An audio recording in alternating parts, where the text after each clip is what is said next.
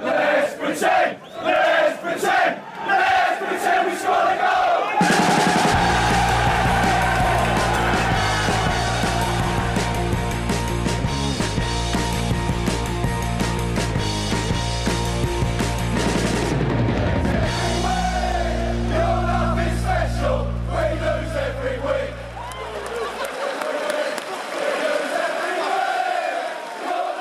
Ja, hjärtligt välkomna och hälsa då till Sportbladets Premier League-podd. Jag är, sitter i mitt, på mitt kontor här i- i Huddinge och spelar in. Nu är coronapandemin på något sätt tillbaks i en andra våg. Eh, det märks eh, såklart här, men det märks kanske ännu mer för dig Frida nere i London. Det är, det är lockdown 2. Ja, nu ehm, är uppgiften att eh, save the Christmas, som Boris Johnson uttrycker det. Och eh, därför så blir det en ny lockdown här på torsdag, så man får passa på nu de här sista dagarna att gå på puben och sådär, för det blir inte mycket med det sen. Nej, precis. Eh, Det är lockdown igen då med skillnaden att fotbollen kommer fortsätta spelas den här gången. Eh, Och det, det är vi tacksamma för, för då har vi i alla fall något att prata om. Ja, nej men absolut. Det, det är väldigt skönt måste jag säga. Ja. Ehm, Kalle, hur, hur har eh, pandemins förnyade kraft nått Västerås? Ja, och det har inte blivit några sådana här specifika regionsrestriktioner här ännu men jag förväntar mig att de kommer inom kort. De lär väl slå med full kraft över hela landet. Eh, säkert den här veckan. Så att eh, just nu så får man gå utanför dörren om man vill men eh, det eh, är väl bara en tidsfråga innan det blir tuffare krav här också. Man kan tänka sig att eh, det är rätt många som vill att de här att eh, fotbollsligorna här i Sverige ska spelas färdigt nu så att det, vi slipper det, den diskussionen kring eh, resor och publik och så vidare. Ja, vi var ju faktiskt ett av lagen som faktiskt fick ha publik på en match här. Eh, Han med det här i helgen med, i och med att vi spelade i söndag. Så det, det, var, det var en speciell känsla faktiskt. Även om det bara var 300 så, så var det en speciell känsla. Så att, eh, eh, men det lär väl inte bli så många fler tillfällen. Nej, vi hoppas att det eh, ser lite ljusare ut till våren när eh, fotbollen återvänder här. Vi eh, hade en eh, ja, full omgång, eh, han vi klämma in inför den här inspelningen. Helgens stormatch såklart, det, det gamla stormötet, ska vi, kan man säga så? Det är fortfarande två av eh, ligans absolut största lag, Manchester United och Arsenal. För, för 15 år sedan var det liksom det, det absolut hetaste eh, mötet i ligan. Eh, ser inte riktigt likadant ut längre, rent tabellmässigt i alla fall.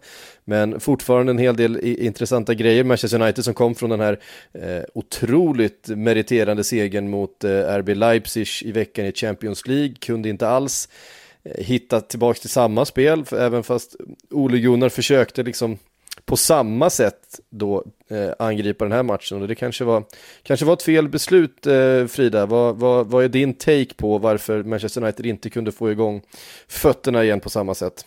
Nej men alltså det här var väl en match egentligen mellan ett lag med grym struktur och organisation och sen ett annat lag som förlitar sig väldigt mycket på sin tia. Och Bruno Fernandes har ju varit en av ligans absolut bästa spelare sedan han anlände. Det är, och det är ju eh, uppenbart vilken skillnad han har gjort hos Manchester United. Men problemet blir ju när han försvinner i en match eller när han inte ges tillräckligt mycket utrymme.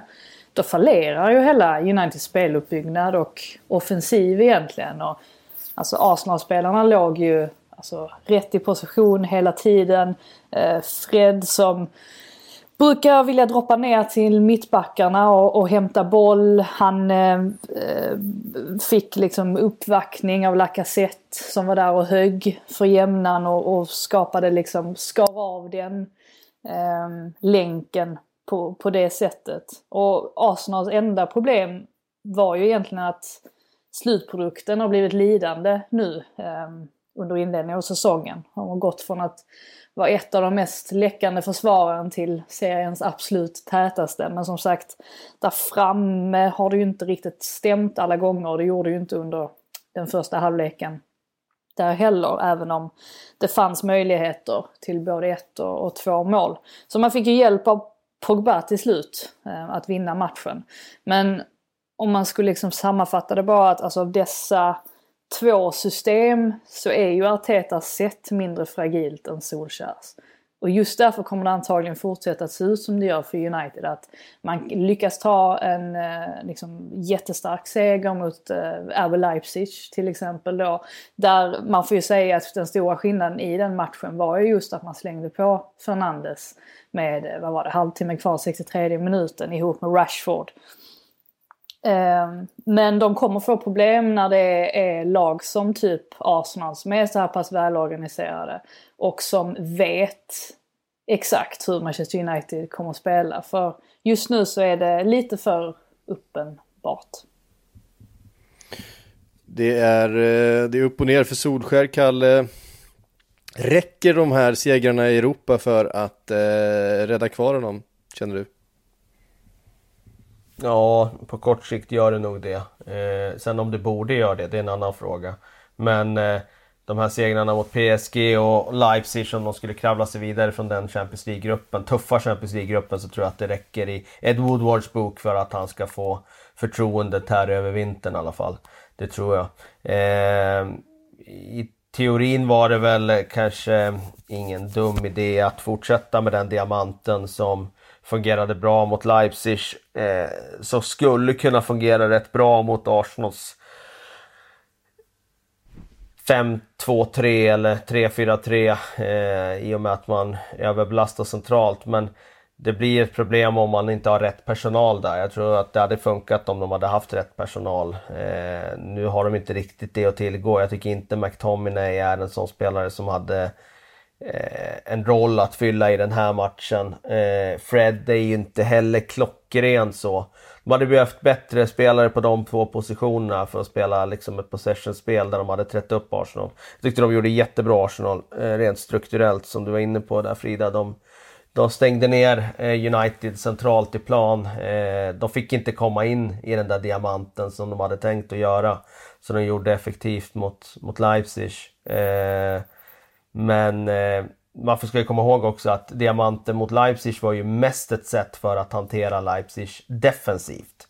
Det var ju precis, alltså United gjorde ju defensivt som Arsenal gjorde i den här matchen. Att man, så att säga, att man, man står med två forwards högt och, så, eh, brett, högt och brett och så droppar man den centrala spelaren istället som får ligga och täcka av motståndarnas sexa. Och det var jätteeffektivt för Arsenal att göra det nu med Lacazette. Och eh, United hittade väl egentligen ingen väg förbi det. Det såg väldigt trubbigt ut. Andra halvlek ändrade de om till 4-2-3-1. Eh, blev väl marginellt bättre men eh, nej, det var, det var en taktisk triumf rent defensivt för Arsenal och sen att de får straffen, det var ju en, eh, ja, en rejäl gratis straff av Pogba. Det är där han han är som sämst. Eh, blir så otroligt eh, sårbar. Ja, som allra sämst. Han står och sover när det kommer en löpning bakom. Eh, och när den löpningen kommer så behöver han ju inte ta den tacklingen heller utan han kan ju bara springa ner och försöka täcka in spelet. Det är ju inte så att det är jättefarlig målchans bara för att de får slå in bollen därifrån. Men nu bjuder han istället på en straffspark och sen är, matchen förlorad för, för hans lag. Och det, han måste ju lära sig någon gång. Nu minns jag inte om det var andra tredje. eller tredje straffen han orsakade. Men det, ja, tredje. Det, det är ju extremt. Om man är offensiv mittfältare och orsakar tre straffar. Då är det ju någonting som är allvarligt eh, fel. Eh, om vi tittar lite på Arsenal då. Mål för Aubameyang visserligen från straffpunkten. Hur viktigt är det för honom att, att få, få näta igen tror ni? Nej men alltså det är klart att det är viktigt. Det är ju ingen som har kritiserat Aubameyang för att han inte har gjort mål på fem matcher. Men jag tror att många supportrar blev nog lite oroliga att det skulle bli en liknande historia som i Özils fall. Att när man har skrivit på det här jättekontraktet och eh, har beslutat sig för att stanna så går det bara utför.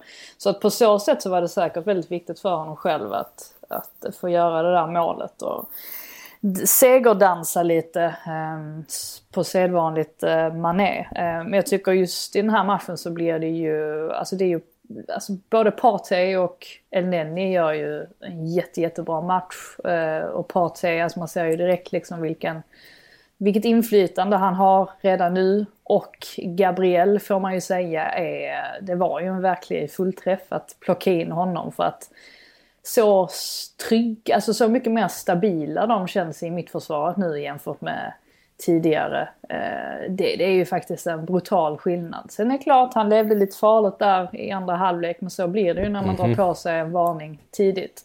Eh, men jag, alltså, i övrigt så jag tycker att han är alltså, extremt bra, har inlett extremt starkt. Mm. Vad, eh, det här är alltså första borta segern mot en topp 6-klubb för Arsenal på fem, fem år. år. Ja. ja. Eh, vad kan det här få, få betydelse för, för uh, Artetas bygge? Nej men det får stor betydelse tycker jag. Alltså, de tar ju steg hela tiden. För varje liten triumf de gör så, så kommer ju hans trovärdighet att öka. Nu erövrar de den där titeln i somras. Det var viktigt. Bara för att gå in i den här säsongen med lite mer tro på projektet.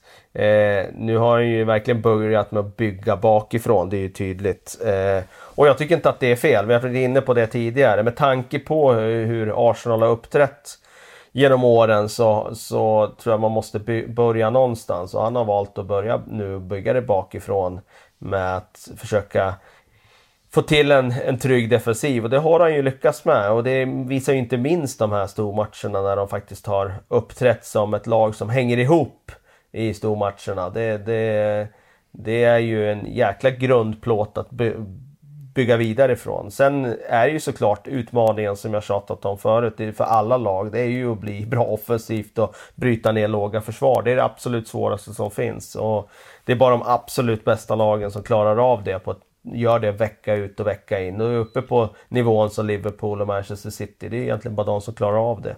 Och eh, Den nivån är inte Arsenal och Manchester United på eh, idag på långa vägar. Men eh, jag tvivlar inte på att Arsenal på sikt eh, kan nå den nivån. De, de har eh, tycker jag, något spännande på gång. Och så kommer ihåg också att Arsenal har haft ett ganska tufft spelschema så här inledningsvis. Har ju mött alla eh, de förväntade topp topplagen egentligen då förutom eh, Chelsea va?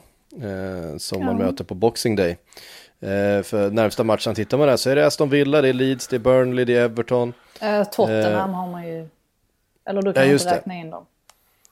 jo det gör jag, i allra högsta grad.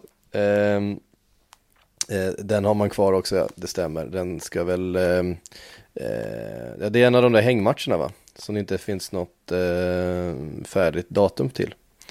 Eh, är det inte så? Har jag för mig. Ja, jag kan ha fel.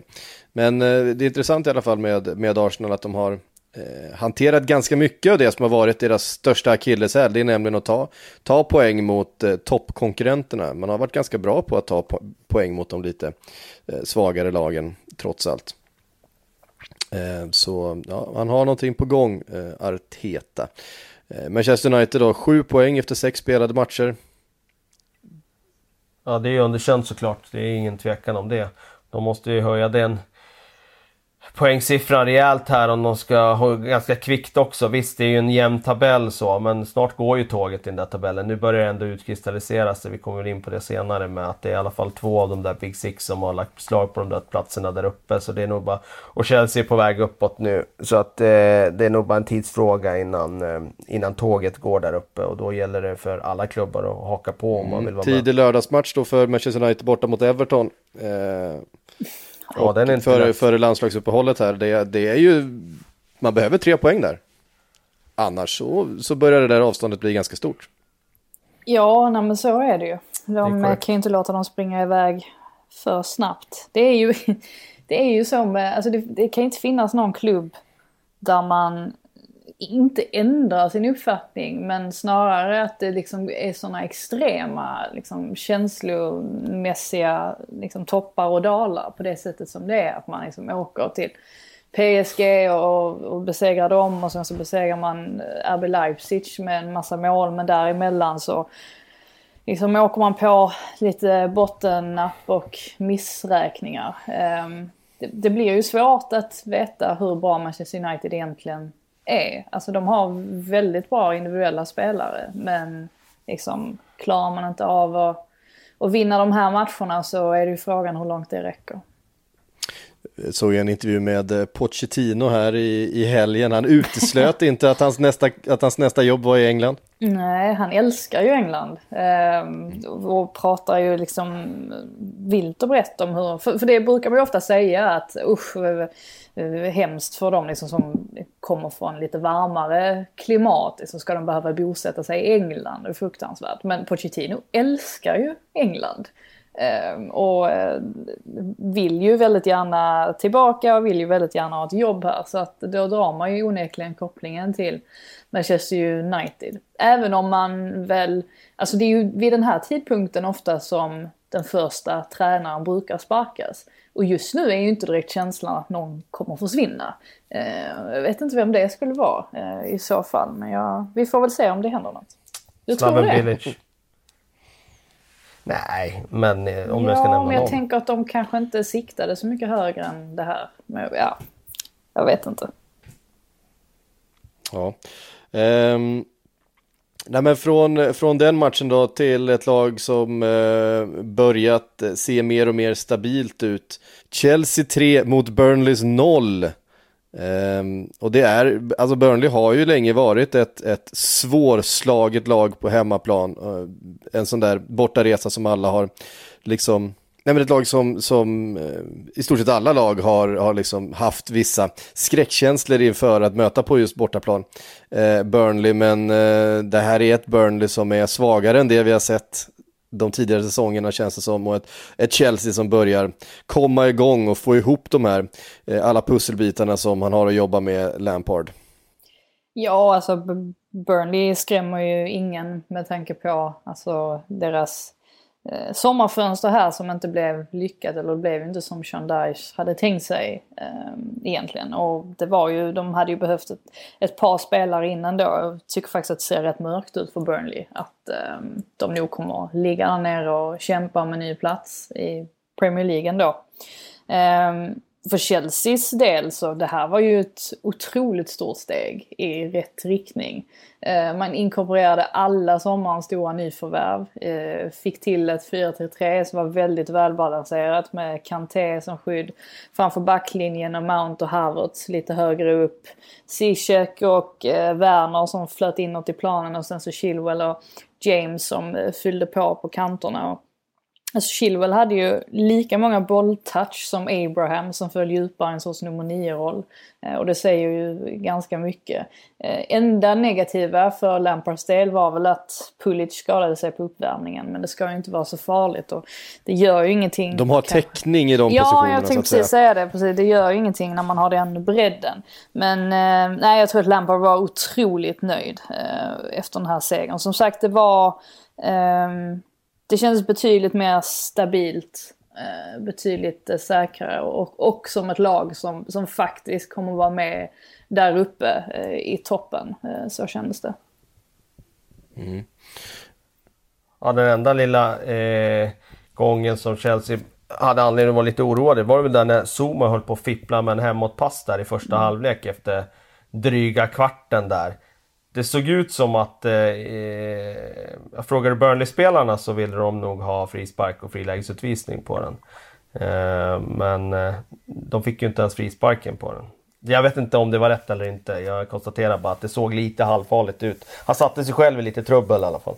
Ja, det, det finns ju fortfarande liksom defensiva frågetecken såklart runt, runt Chelsea. Men eh, med tanke på den offensiven de har och, och, att den börjar klicka nu så ska det väl kunna väga upp ändå för eh, ett eller två eh, slarvmisstag i backlinjen som vi har sett en del. Jo, sen samtidigt så, alltså Thiago Silva har ju varit alltså väldigt bra sen han kom in och han bidrar ju med ett helt annat lugn som de inte har haft tidigare. Och Mendy har ju också överträffat förväntningarna får man säga. Det var ju ändå en liten chansning att plocka in honom. Man tänkte, ska det liksom bli en, en Kepa 2.0 här? Men det har det ju verkligen inte blivit. Eh, Peter Käck har eh, onekligen gjort sin scouting bra i, i det fallet. Så att det känns väldigt mycket mer stabilt och Chilwell, det ser man ju nu att det var också en värvning som kanske inte ifrågasattes men det var väl många som höjde lite på ögonbrynen över att han var så dyr som han var. Eh, men det är han ju av ganska många anledningar, bland annat att han är engelsman. Men eh, det där har ju också träffat helt rätt. Så att det, det är mycket som fungerar bra nu i Chelsea och det var kanske vettigt ändå av Lampard att han gjorde ju också lite det här att eh, liksom, nu måste vi sätta defensiven. Han kom väl till en punkt där han insåg att vi kan inte släppa in så här många mål. Och nu börjar det se lite bättre ut. Och just det där med att ha Kanté framför backlinjen.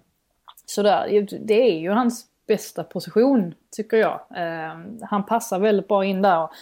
Egentligen är det ju en sån spelare som Manchester United också eh, hade behövt för då hade man kunnat putta fram Pogba lite och eh, alltså han, han kan inte klara av väldigt mycket på egen hand så att nu har han i alla fall hittat ett, ett spelsätt som han vet eh, fungerar eh, ganska bra så jag tror att han kommer köra vidare på något sånt här eh, resten av säsongen.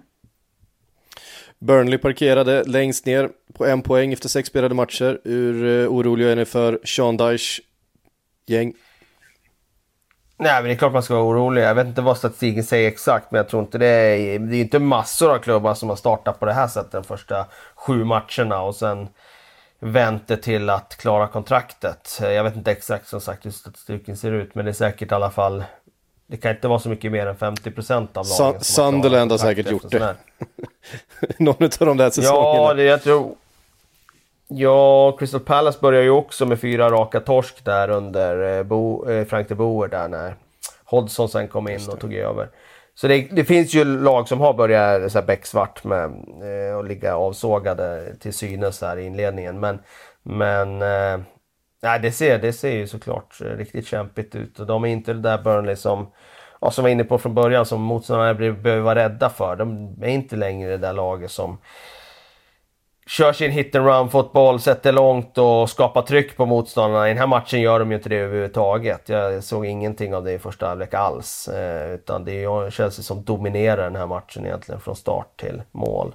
Och eh, jag, eh, jag, är, jag är oroad. För Vi får väl se hur det går där med eh, ägarbytet också. Eh, eller övertagandet som är på gång vad det verkar. Eh, den här eh, egyptiska affärsmannen och Um, idrottsadvokaten, vad heter han, Chris Farrell eller någonting sånt. Eh, det ska ju vara ganska nära ändå och då kan man väl tänka sig att det blir eh, en del omgjort. Dock så verkar Sean Dyche eh, sitta relativt säkert även om de skulle komma in. Men vi får väl se vad som sker.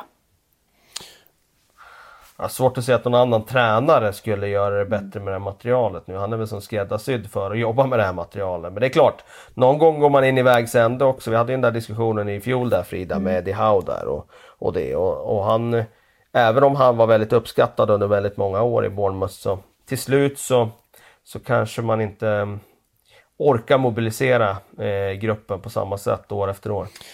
Uh, ja, Burnley då på en poäng sist i tabellen. Näst sist i tabellen på samma poäng men faktiskt en match mer spelad hittar vi Sheffield United, förra säsongens succélag som tog emot Manchester City i helgen och det gick väl som de flesta förväntade sig även om det var lite tajtare ändå. Eh, uh, 1-0 till City efter mål av Kyle Walker. Han gör sådär ibland, dundrar in en längs med gräset. Eh, stenhårt tillslag han har eh, när han kommer i den positionen, Walker. Eh, och det räckte för tre poäng. Ja, nej men och Kyle Walker är väl egentligen den försvararen som eh, Alltså det får man säga, det var ett bra köp när Manchester City värvade honom. Det får man säga. Ja, eh, och han var ju också ganska dyr och, och sådär men det visade sig ju också, eh, det, det faller ju väldigt väl ut och här visar han ju också att han även kan göra mål i den här matchen. Återigen eh, ett sånt där resultat där Manchester City kanske inte riktigt övertygar eftersom man inte vinner med 4 eller 5-0. Men eh, man får väl vara nöjd eh, över det lilla när man inte har några strikers. Såg ju Ferran Torres återigen i, eh, få spela eh, centralt. Och ehm, ja, nej, men han gör det väl, han gör det ju helt okej. Okay, men det är ju ingen Agüero och det är ingen Gabriel Jesus heller ju. Så att ehm, han eh, sitter nog och hoppas att i alla fall Jesus ska eh, bli spelklar. Eh, I alla fall efter eh, landslagsuppehållet kan man tänka sig att han är tillbaka. Mm. Ja, det var ju, att Ramsdale höll ju ner siffrorna en del i den här eh, matchen också. Han var ju eh, Sheffield Uniteds klart bästa spelare.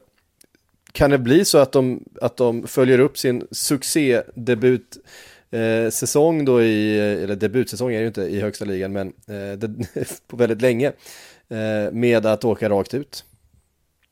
Så.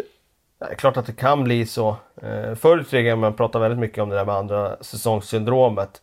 Sen visar väl empirin att det, det var inte så mycket bakom det eh, begreppet som man kanske kan föranledas att tro. Det finns några exempel på det med lag som har börjat, gjort en väldigt bra comeback-säsong i Premier League och sen halkat ur år två. Men oftast så brukar det faktiskt gå bättre än vad man tror det där året två. Eller alltså det är i alla fall inte så vanligt som man tror att lag åker ur. Men eh, det finns ju en liten aspekt i att lag kan ha lärt sig lite att hantera deras spel och man är lite mer förberedda. Plus att man kanske tar dem på lite större allvar. När man kommer upp som, som nykomling och är så nedlagstippad som de var eh, i fjol. Det är klart att kanske får någon poäng där i början, eller inte bara en poäng utan flera poäng av att motståndarna underskattar dem lite grann och inte tror att de har riktigt så mycket att sätta emot. Men sen visar det sig att eh, deras överlappande mittbackar i fjol, det var ett sånt där inslag som, som lag blev överraskade av att hantera. Mm. Ja, eh, Manchester City som sagt eh, tar de här viktiga tre poängen för att eh, hänga på för nästa helg. Är det dags för mötet med Liverpool. Det som har varit seriefinal nu i några säsonger. Eh, och eh, ja, vad de flesta tror kommer vara även den här. Eh, det är ett Manchester City som saknar anfallare och eh, ett Liverpool som saknar mittbackar. ja, det är fantastiskt kul att det är just eh, så. Det, blir ju, det ger ju en eh, intressant edge mm. till matchen. Ja, det gör det ju verkligen. Det är ett Liverpool som eh, slog West Ham efter visst möda och besvär. West Ham, alltså Fornals har en tendens att göra mål mot just Liverpool. Jag har för mig att han gjorde det förra säsongen också. Ja, det gjorde han. Um, och prickar in där 1-0 efter 10 minuter. Liverpool har svårt att svårt att eh, trumma igång, men det påminner en hel del om det vi sa Alltså vi satt och hade den här diskussionen förra säsongen om, om Liverpool också. Förra hösten ja. Eh, I ja. början att ah, det ser lite trögt ut, det blir ganska stabilt ändå men eh, de kommer tillbaks de och så vinner matcherna. de matchen. Ja. Eh. Och vi såg det mot Sheffield, Sheffield förra helgen och sen eh, West Ham nu. Min känsla i slutet av den här matchen var ju att eh, West Ham gjorde det bra men det kommer att rinna in ett mål här till slut. Det var, jag hade en ganska stark känsla av att det skulle göra det. Och mycket riktigt, han hade ju först ett mål som blev bortdömt där för eh, där Jota. Ja. Och sen fick han ju sätta dit den och då var det inget snack. Det var ju en fin upprullning, eh, fin passning där mellan benen och det, alltså de har den där kvaliteten på sista tredjedelen som gör att de kan skapa av ingenting alls. Men det stora utropstecknet från den här matchen är ju ändå mittförsvaret då med, med Nathan Phillips där som gjorde så pass bra att han blev vald till matchens lirare. Ja, va? precis. Um, han var nog rätt glad att slippa Antonio. Uh, Ja, det kan man ju lugnt säga. Det är inte den, det är inte den anfallare man vill möta som rookieback direkt. Nej, precis. Så kommer man ihåg det att han, att han eh, var på väg att lånas ut till, eh, till Championship eh, här i slutet på transferfönstret. Spenderade förra säsongen, i alla fall stora delar av den, i, i Zweite Bundesliga. Så att det är ju inte en speciellt, även om man är 23 år gammal eh, och har spelat rätt mycket seniorfotboll så har han inte gjort det på speciellt hög nivå. Så att kliva in så här i Premier League från start är en ganska tuff uppgift och um, det är klart att han hjälps ju av att eh, övriga försvarslinjen är intakt då med, eh, med Allison i mål och eh, Trent Gomez och, eh, och eh, Andrew Robertson Eh, finns där och, och, Jordan Henderson på planen och så vidare som, som eh, bidrar mycket till det här försvarsspelet men han, han gjorde det bra. Eh, det får man verkligen säga. Ehm, det har varit en del kritik i engelsk media mot eh, Mohamed Salah och eh, filmningen där som eh, gav straffen. Eh, vad säger ni om den?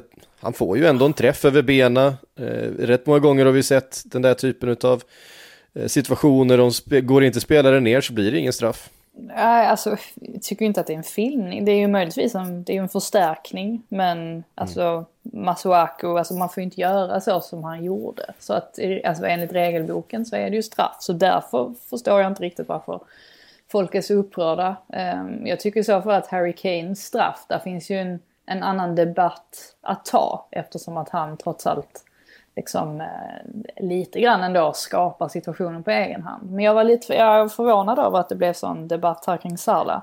Kan ju ha, delvis ha att göra med att det är just Sala också om man nu ska vara lite cynisk. Tyvärr så får man ju den känslan. Eh, faktiskt. Vi ska prata lite mer om, om Tottenham om lite stund, bara, bekräft, eller bara konstatera att eh, Liverpool då klättrar upp på första plats igen. Men man är alltså laget som har släppt in flest mål i ligan. Mm. Det är inte ofta man ser. Nej, det är väldigt, väldigt sällsynt man ser det. Det, det är ju det lika, är, det är lika konstigt som att Arsenal är det tätaste, tycker jag. Så att...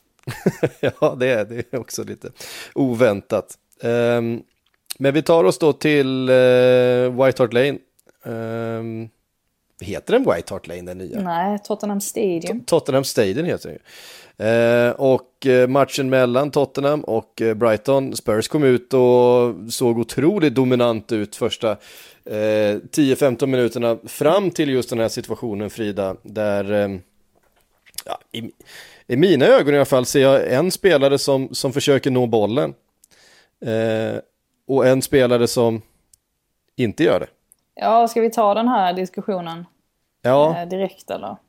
Um, det verkar ju, man försöker ändå ha ett upp, öppet sinne och sådär och ta in hur, um, hur alla ser på det här. För att det, det, spelar ingen roll, alltså frågar man 50 domare tror jag att det fortfarande kommer vara lite sådär 50-50 ändå. Huruvida um, det här är straff eller om Kane liksom söker den för mycket.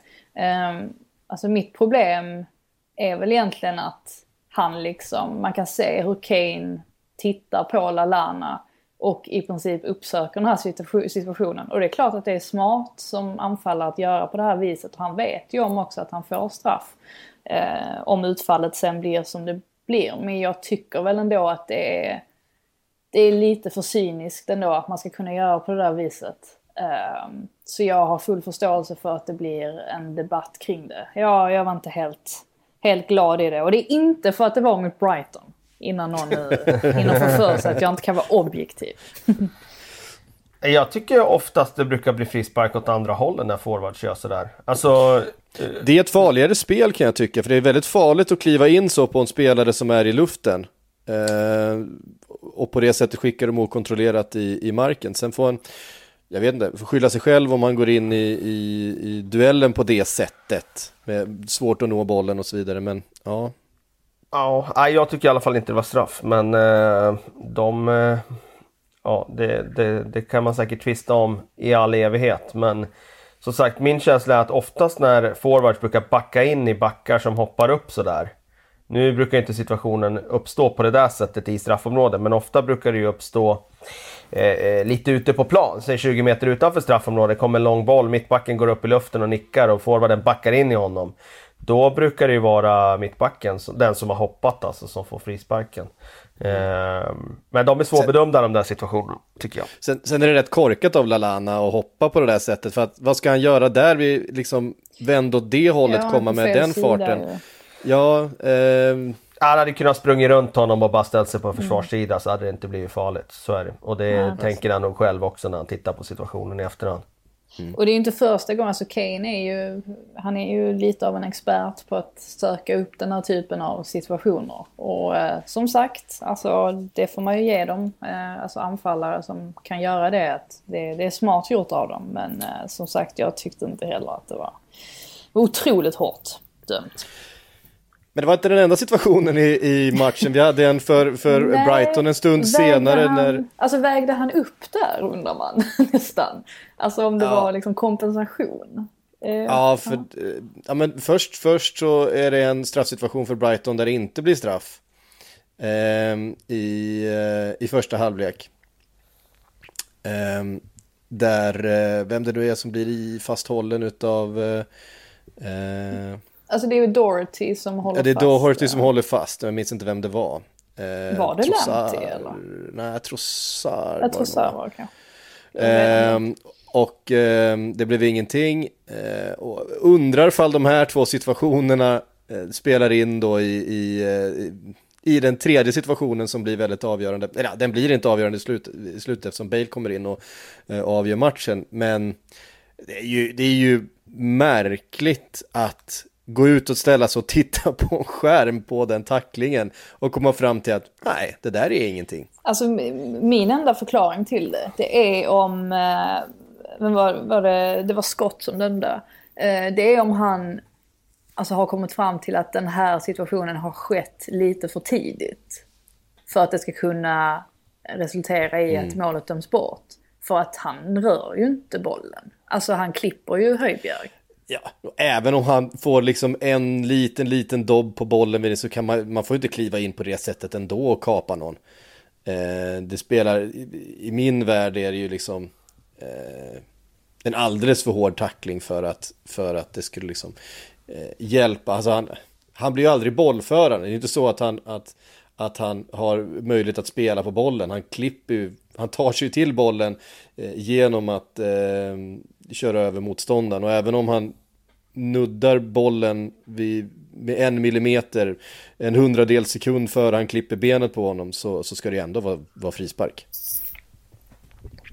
Är, är min take. Men så fick eh, Tottenham då ändå eh, ett eh, romantiskt resultat med sig när Gareth Bale kommer in från bänken och knoppar in segermålet. Så det var han skrek mot Reguljon? ja. Vamos! Vamos! Det är ganska roligt. Ja, Mourinho pikade ju Real Madrid lite där på presskonferensen efteråt också och sa att han skulle surfa in på Reals hemsida och se om de omnämnde Gareth Bales mål. Jag tror inte att de har gjort det, men... Äh, ja. Mourinho har alltid en pik i bakfickan. Ja, det får man lov att säga att han har alltså.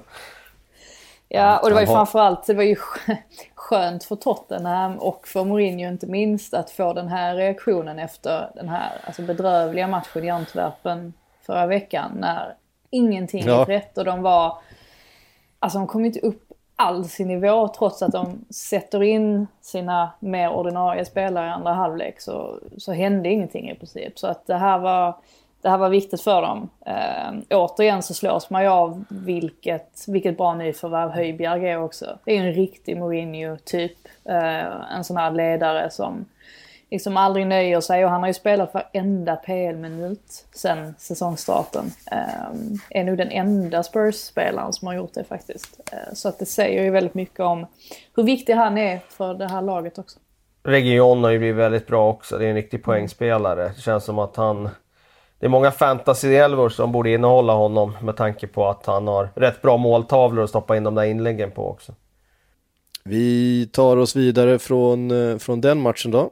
Eh, ska jag hitta mig, tillbaka till min tabell här. Eh, och eh, prata lite grann om Southampton som nu klättrar upp på femte plats på 13 poäng på sju spelade matcher efter en uppvisning Verkligen, utav Ward Prowse. ehm, jag gillar honom va? Ja, verkligen. Ja, alltså jag har ju vid något tillfälle kallat Ward Prowse en one trick pony. Um, nu visar han sitt trick. ja, och uh, han, har ju, han har ju liksom på, på uh, senare säsonger, i alla fall sen uh, Ralf Hassenhüttel kom in, uh, visat upp på ett betydligt större spel, tagit ett uh, rejält ansvar centralt och liksom utvecklats mer till en ehm, eh, tvåvägsmittfältare eh, med ett otroligt stort hjärta och, och, arbetskapacitet. Men det betyder ju inte att han inte har sitt fullständigt magiska tillslag på liggande boll. Eh, för man ska komma ihåg, de har ju faktiskt en boll i, eh, i mål tidigare där som döms bort. för offside ja. Eh, för offside som är, kommer från en, en uh, Ward Prowse-hörna. Första målet kommer när, eh, ja men det, alltså har man tre meter dansk i, i straffområdet och eh, Ward Prowse på, på frispark då, då, då, har man ett rätt eh, effektivt vapen. Men sen är det ju framförallt de där två frisparkarna som det bara känns som när han ställer sig där, det här kommer bli mål. Eh, och han slår det ju verkligen på ett sätt med en, med en fart och en skruv som gör det, det är helt omöjligt för målvakten att nå dit. De är, liksom, det är två perfekt slagna frisparkar, det är liksom inget annat att att säga. Ehm, det, det, det är en otrolig spetskvalitet eh, han sitter på. Sen kommer Aston Villa tillbaks och, och når ju nästan ikapp där efter att ha legat under 4-0. Ehm, Danny Ings dunderskott också får man ju säga någonting om.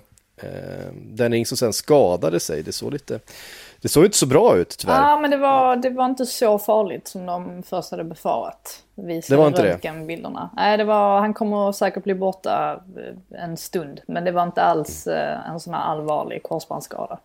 Nej, det var man lite orolig för faktiskt eh, ett tag där och, och Hasenhüttel själv sa ju att eh, det ser inte bra ut. Eh, och med tanke på den eh, historiken han har, eh, Danny Ings, så, så blev man ju lite bekymrad, men det var ju skönt att höra.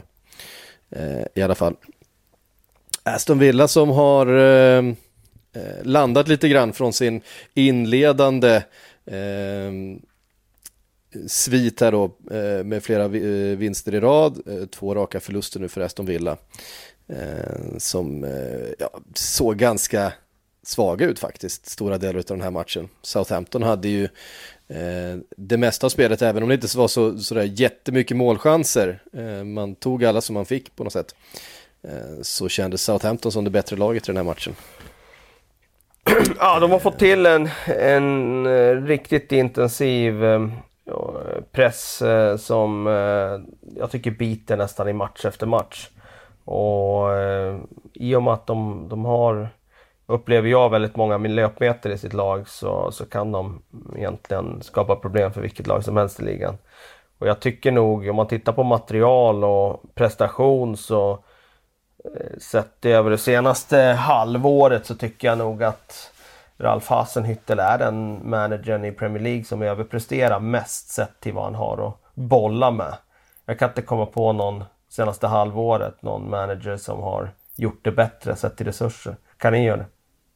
Alltså det är väl Rogers, men han har ju ändå, alltså det är ändå rätt så bra spelarmaterial. Fast de avslutar ju förra säsongen rätt svagt. Ja, i och för sig. Ja, okej. Okay. Mm. Tänkte mer ja. helhets. Leicester körde över Leeds igår, 4-1 till slut. Eh, Jamie Vardy med både assist och mål.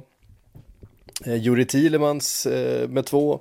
Och det var, eh, det var egentligen ingen snack. Eh, Leeds eh, hade ju långa stunder bollen och, och pressade på men det kändes hela tiden som Leicester skulle bara kontra sönder dem och det, det gjorde de ju.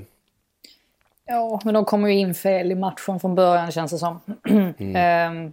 ehm, faktiskt, alltså de mål redan efter två minuter. Ehm, och det var ju alltså Kors där också som...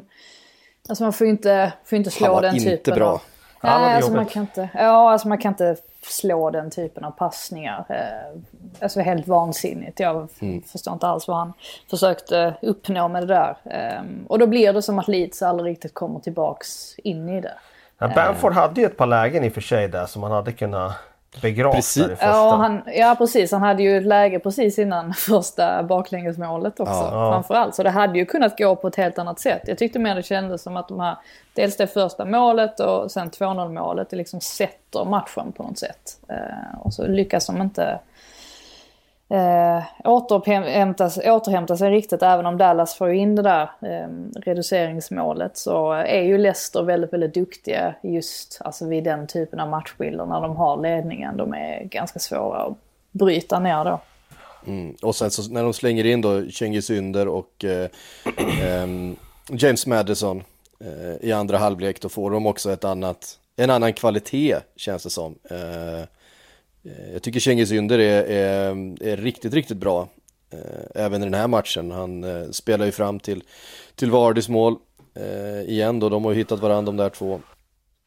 Brennan har väl hittat något också nu med Leicester med tanke på hur man tänker på hur de vann titeln för var det fem år sedan eller vad det är. så var ju det ett väldigt omställningsbaserat spel. Och så när man vinner titeln så blir det liksom ja, men lite krav på motståndarna anpassa sig lite grann. Det, liksom, då kan ju pendeln slå över till att man ska plötsligt börja dominera matcher och sådär. Nu gör de ju inte det. De är inte så intresserade av bollen. Vad hade de? 35% i den här matchen mot Leeds. Eh, men de är ju sylvassa eh, i sitt omställningsspel. Och jag tror att de kan fortsätta göra resultat om de får ställa om på det här sättet. Om motståndarna tillåter dem att ställa om på det här sättet så tror jag att de kan fortsätta vara eh, en sån här jobbig outsider där uppe i toppen och, och hugga på en topp 4-plats. För att känslan är att Vardy, eh, när han får den här matchbilden, då, då går det knappt att stoppa honom. Nej, han är, han är ju otroligt liksom, smart i sättet han spelar fotboll på. Ehm, det är ju också, ja, men... så, det är också så vidrigt. Alltså det, han gör ju, man vet ju exakt vad han ska göra men ändå är, så, är det så fruktansvärt svårt för mittbackarna att försvara sig emot. Alltså de måste ju ha gått igenom, tänker man sig, alltså inför när de vet att de ska möta honom, att de sätter sig in i, ja men så här och så här löper han. Men det är så svårt att försvara sig mot att det eh, eh man, man, man fattar knappt liksom hur han kan ha det eh, sjätte sinnet på något sätt och ta de löpningarna hela tiden. Och, och den farten också. Alltså han blir ju inte långsammare heller. När, när ska han börja bli långsammare undrar man. Ja, det är otroligt faktiskt. Men det, det som är så eh, på något sätt unikt med honom är att han är så fruktansvärt svårstoppad. Men han har inte, han har inte ligans bästa teknik. Han har inte de dribblingarna som, som eh, eh de här, Eden Hazard hade när han var som bäst i Chelsea och han var omöjlig att stoppa. Han har ju inte heller den där fysiken eh, som ingen flyttar på liksom. Han är inte så stor och stark. Eh, han har ju en jäkla speed såklart, men framförallt så har han eh, Alltså det, första touchen, andra touchen, vinkeln på vart han, vart han tar vägen, löpningen strax innan. Han är så otroligt påkopplad när han spelar anfallsfotboll. Att eh, han, blir, han, han gör sällan några misstag eh, överhuvudtaget när, när bollen är i närheten av honom. Och det eh, finns liksom ingenting för backarna att, att stöta på eller jobba på eller så. Det är oerhört effektiv i sitt, han, i sitt han, har, han har ju utvecklats också. Alltså, han slår ju en passning i början av matchen, de leder med 1-0 till, eh, till Harvey Barnes där ehm, eh, där liksom lite blind no-look pass. När han sätter nästan friläge till honom. Och det, det, det, det registret hade ju inte eh, varit tidigare. Utan det är någonting som han har lagt till nu. Jag tycker att han är mm, han har blivit mer komplett. Eh, både framspelare, eh, djupledslöpare, eh, kan länka anfallen. Inte så att han är någon så här helt otrolig eh, länkspelare men han kan i alla fall göra det. Eh, så att eh, ja, det är, med facit i hand, eh, jag menar Arsenal var ju jättenära på att värva honom som vi alla minns. Eh, men med facit i hand så är det nog många storklubbar som, som undrar om de inte skulle ha nypt honom, lagt ett stort bud och nypt honom efter den där succésäsongen. För de hade fått ut rätt mycket av det. Alltså onekligen, eh, man tänker sig på en, på, var det på en position ungefär där Lacazette spelar idag? Ja precis, jag menar Arsenal spelar inte, ju också med ett kompakt försvar nu, omställningar och sådär. United vill ju göra det, jag menar båda de klubbarna hade ju haft jättemycket ut av honom. Sen gör han ju andra typer av mål också nu. Han är inte bara en omställningsspelare utan han kan göra dem i boxen också. Så när han kommer till och nickar det där målet när de lägger in returen nu i den här matchen. Eller klackar in dem. Eller klackar in den för den delen. Precis. Uh, ja, nej, han är definitivt en utav, utav den här säsongens förgrundsfigurer. Uh, igen får man väl säga, för han har ju varit de senaste, senaste säsongerna. Säga någonting om eh, Wolverhampton Crystal Palace också, 2-0 till Wolves som eh, ja, taktar vidare. Du var inne på det. Eh, precis före inspelningen så lanserade jag ändå Leicester som eh, det största hotet utanför topp 6 eh, att slå sig in topp 4. Du lanserade Wolves istället. Ja, men jag tycker de ser fina ut alltså. De har ju verkligen ett fantastiskt lag. Eh, just den här matchen så var det intressant också att man fick se Ait Nouri från, eh, eh, från start eh, i sin debut och får göra mål också. Eh, 1-0 målet. Eh, Pudens har sett väldigt fin ut. Det är, det är mycket att ta av. Eh, dessutom då liksom ett stabilt försvar med två mittbackar åtminstone som ju sticker ut lite i Cody som dels har gjort det väldigt, väldigt bra när han har fått chansen nu i engelska landslaget och sen Killman, eh, futsalspelaren som eh, också har sett väldigt stabil ut. Så att, eh, jag tycker de ser, eh, de ser riktigt bra ut och mycket att ta av och ändå liksom trots att man nu har släppt 28 till exempel så finns det ju ändå en viss bredd på, eh, på bänken. Mm. Ja, alltså man har släppt 28, Adama Traoré eh, agerar mest inhoppare. Ehm, det, är, det är rätt imponerande faktiskt att ändå, att ändå få ut så mycket av det laget som startar och att man har kunnat få in spelare som, ja men Podens till exempel som, jag tycker också Nelson Semedo ser, ser väldigt bra ut. Eh, vi funderade på varför släpper man Docherty men eh, ja, får man de pengarna och dessutom kan få in en Nelson Semedo på samma position. Eh, så, ja, det, så ni säger inte är... emot mig, eller? Nej, det, Nej, de är med där och hugger. De är ut. definitivt med där och hugger. Det enda som skulle ta emot det, det är väl det där liksom Wolves 2.0 där Nuno ska göra dem mer spelförande. För det, det har ju inte lyckats med hittills. Det har ju varit lite si och så med det. Eh, kanske i den enskilda matchen att de lyckas med det, men... Eh, men... Eh, jag tror att det, eh, på längre sikt, så här, över en större period, så tror jag att de kommer att ha lite svårigheter med att luckra upp låsta försvar. Och själva bli straffade med omställningar. Ska vi säga någonting om Fulham, eh, Fulham eh, West Brom också? Det var ju trots allt ett, eh, ett nedflyttningsmöte. Som det utvecklat sig så ser det ju fyra lag som man kan känna ligger lite efter de andra. Det är Burnley, Sheffield United, West Bromwich och Fulham. Som just nu har de fyra bottenpositionerna. Man ser inte riktigt Brighton med sitt spel blandas in där och svårt att se Leeds eller Newcastle göra det heller. Um, och definitivt såklart inte uh, Manchester United eller Manchester City och så vidare som finns där ovanför. Um, så viktiga poäng för, för Fulham i den jakten på 17 platsen som det blir då Mm. för två, de här lagen. Två assist från eh, assistkungen Mitrovic. Han har fått, eh, han har fått bli det nu istället för, eh, för, mål, för målkung. Ja, precis. Det var ju... Eh, alltså det, det är ju viktigt att han är igång. Om man säger så. Han är rätt, rätt stor del av deras offensiva outlet. Eh, minst sagt. Fulham som ju faktiskt ser ganska, ganska behagliga att titta på. Eh, I stunder. Jag tycker de spelar ganska trivsam fotboll. Men det ser ju rätt ineffektivt ut. Eh, och att få in en sån spelare som Mitrovic som ju, som ju har en effektivitet i sig. Det är ju, känns rätt viktigt. Det tyckte det var intressant där med Kalles tes om att eh, Bilic kommer att bli den första att lämna. Jag vill, jag vill höra mer om, mer om den teorin. Nej, egentligen, nej det, var, det, var inte, det var inte så välgrundat. Jag kan bara kasta ut ett namn som jag bara funderar över just utifrån att det, jag ser inte någon annan riktigt. Jag köper din tes där om att det är ingen som är riktigt nära att få gå. Och då kastar jag bara upp ett namn som som, eh, ja men du vet, utländska ägare. Visst, han har tagit klubben upp, men det hade ju Slavisa Jukanovic gjort med Fulham också här för några år sedan. Går det inte bra i inledningen, då kan det bli ett impulsbeslut av att de skickar honom. Han har ju dessutom varit i Premier League tidigare och det finns väl en liten tes om att ja, Slaven Bilic är en Championship-tränare. Det är inte säkert att han är en Premier League-tränare. Um, så det var egentligen med det jag grundade på. Men jag tror inte heller att han får gå nästa vecka eller så. Utan, men jag tror av alla tränare i ligan så jag ser inte någon annan som sitter i sådär jättelöst.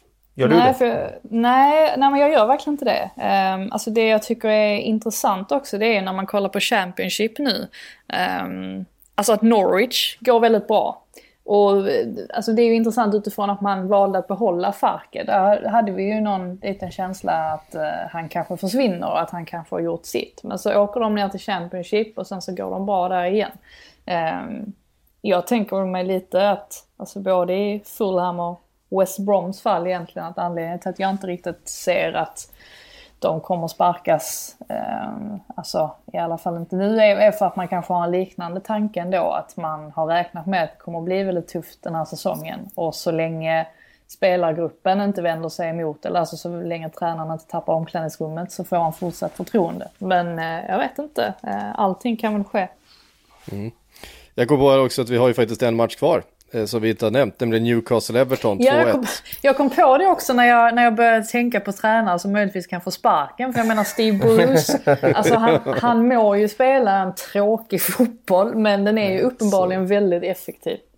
Ja, två mål utav, utav eh, Callum Wilson som, eh, ja, det misstänkte vi att han skulle vara en nyttig värvning för, för Newcastle men Eh, har ju också kommit in i det här väldigt, väldigt fint. Eh, det märks verkligen att, att eh, Everton inte har riktigt samma eh, kreativa eh, spel när, när James Rodriguez och Richarlison inte finns eh, på planen. Det, det, är uppenbart att de saknas och den här ja. förlusten sved nog en del Eh, efter den fina inledningen. Alltså Evertons bästa spelare var ju Robin Olsen och det säger jag egentligen som en komplimang mot honom. Han gör ju några bra ingripande men mm. Eh, det säger desto mer om att hans lagkamrater inte var riktigt på, på topp. Um, ja, och ja, det var väldigt tydligt att, eller det är tydligt att James Rodriguez gör en väldigt stor skillnad um, i det här laget får man säga.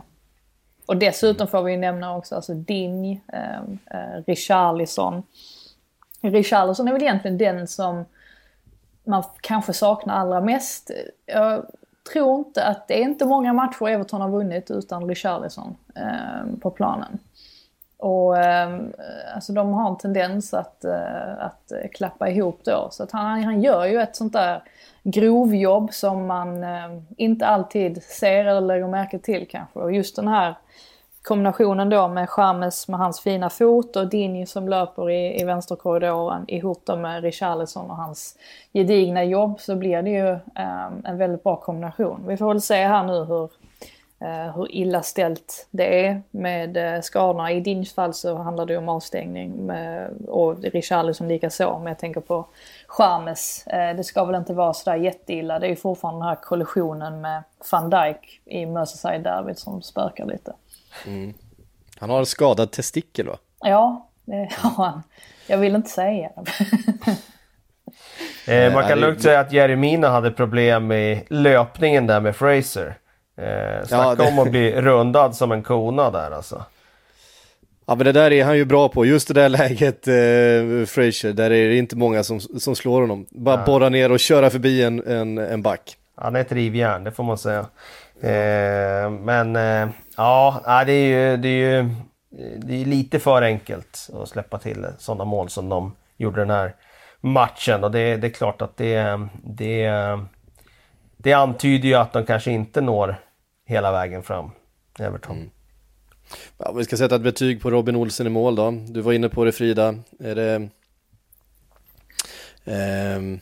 Alltså han kan ju inte göra så mycket vid målen, eh, så är det ju. Och sen så gör han ju någon eh, riktigt bra räddning där. Det är väl Will, Wilsons avslut va? Eh, någon mm. liksom, ehm, reflexräddning. Alltså han såg, ja, men han såg ju stabil ut, absolut. Ehm, sen var det ju, det kan vi också diskutera, för det är ju inte helt vanligt ändå att man vilar sin första målvakt och sen så tydligt kommunicerar att han kommer att stå i nästa möte. Eh, det hade ja, var lite udda. Ja, eh, oftast får man väl kanske chansen då i liksom, ligacupen eller FA-cupen eller något, eller något sånt. Eh, I det här fallet så jag vet inte om det är att eh, Alltså Pickford, alltså han har ju en tendens att bli fullkomligt övertaggad. Det ser man ju också alltså vid eh, Newcastles eh, straffmål där när Robin Olsson släpper in det, att, att Pickford blir fullständigt, alltså han blir inte vansinnig men han får ju sånt här ryck, sånt här klassiskt Pickford-ryck där han liksom slår med, med näven. Så, alltså det, jag tror att han måste, han måste lugna ner sig lite. Eh, han måste nog lära sig att vara lite, lite kyligare. Eh, men med det sagt så lär ju Ancelotti liksom ändå står bakom honom och eh, anser väl säkert att han har sina kvaliteter men att han måste bli bättre just på de här områdena. Mm. Ja, eh, vi eh, lämnar den där då och eh, svarar på lite frågor. Vi har fått en ifrån Emil XP. Eh, han skriver så här, är El Neni Arsenals mest underskattade spelare? Tycker han presterat väldigt bra de senaste omgångarna. Har vi underskattat honom, Kalle? Ja, men det har vi nog alla gjort. Eh, jag menar, han är ju ibland, går han ju nästan som han nästan är bortglömd. Man glömmer ju bort att han ens är i truppen och så bara dyker han upp en match. Så spelar han där och sen gör han det ganska bra. Så jag, nej, jag köper nog det att han är nog den mest underskattade spelaren i, i Arsenal-trupp. Han har ju varit det nu i flera år och han... Eh, han går in i en sån här match och gör en jäkla betydelsefull insats. Fyller en roll och eh, löser ett tvåmannamittfält på ett väldigt bra sätt. Så nej, jag, jag, jag är imponerad av eh, honom när han eh, i de liksom sporadiska matcherna här och där, då kan man bli imponerad av honom. Mm, vad, är det, vad är det ni tycker han bidrar med framförallt? Jag tycker han är ganska funktionell sådär. Alltså, dels det och sen uh, klarar han ju av rent taktiskt och, och även om han är liksom en eh, ska vara en eh, mittfältare, passningsskicklig mittfältare som kan styra rytmen och så vidare så klarar han ju av att, att fylla en def defensiv funktion också. Så jag tycker att han har lite av varje. Eh, Pastor Johan har en fråga. Eh, vi var, nämnde det lite tidigare. Med van Dijk borta, är Thiago Silva ligans bästa mittback just nu? Frida? Mm, han eller Gabriel? Eh, ja, men alltså jag, absolut. Jag menar, som sagt, precis som vi pratade om innan, att han har ju kommit in och bidragit med en stabilitet och ett lugn som inte har funnits i Chelseas försvar tidigare. Jag vet inte hur, vi måste ha suttit varenda vecka förra säsongen och påtalat att Christensen har sina kvaliteter, Zuma har sina kvaliteter. Tomori när han spelar har sina kvaliteter. men Det är liksom ingen som är riktigt komplett ändå. Det är ingen som har de här ledaregenskaperna. Och det har ju Thiago Silva, helt klart. Och går ju jättebra ihop med liksom Mendy och alla övriga spelare. Kanske för att de pratar franska allihop också så att det gör det enklare. Så att jag kan absolut se varför han tycker att eh, Thiago Silva är bäst just nu. Mm.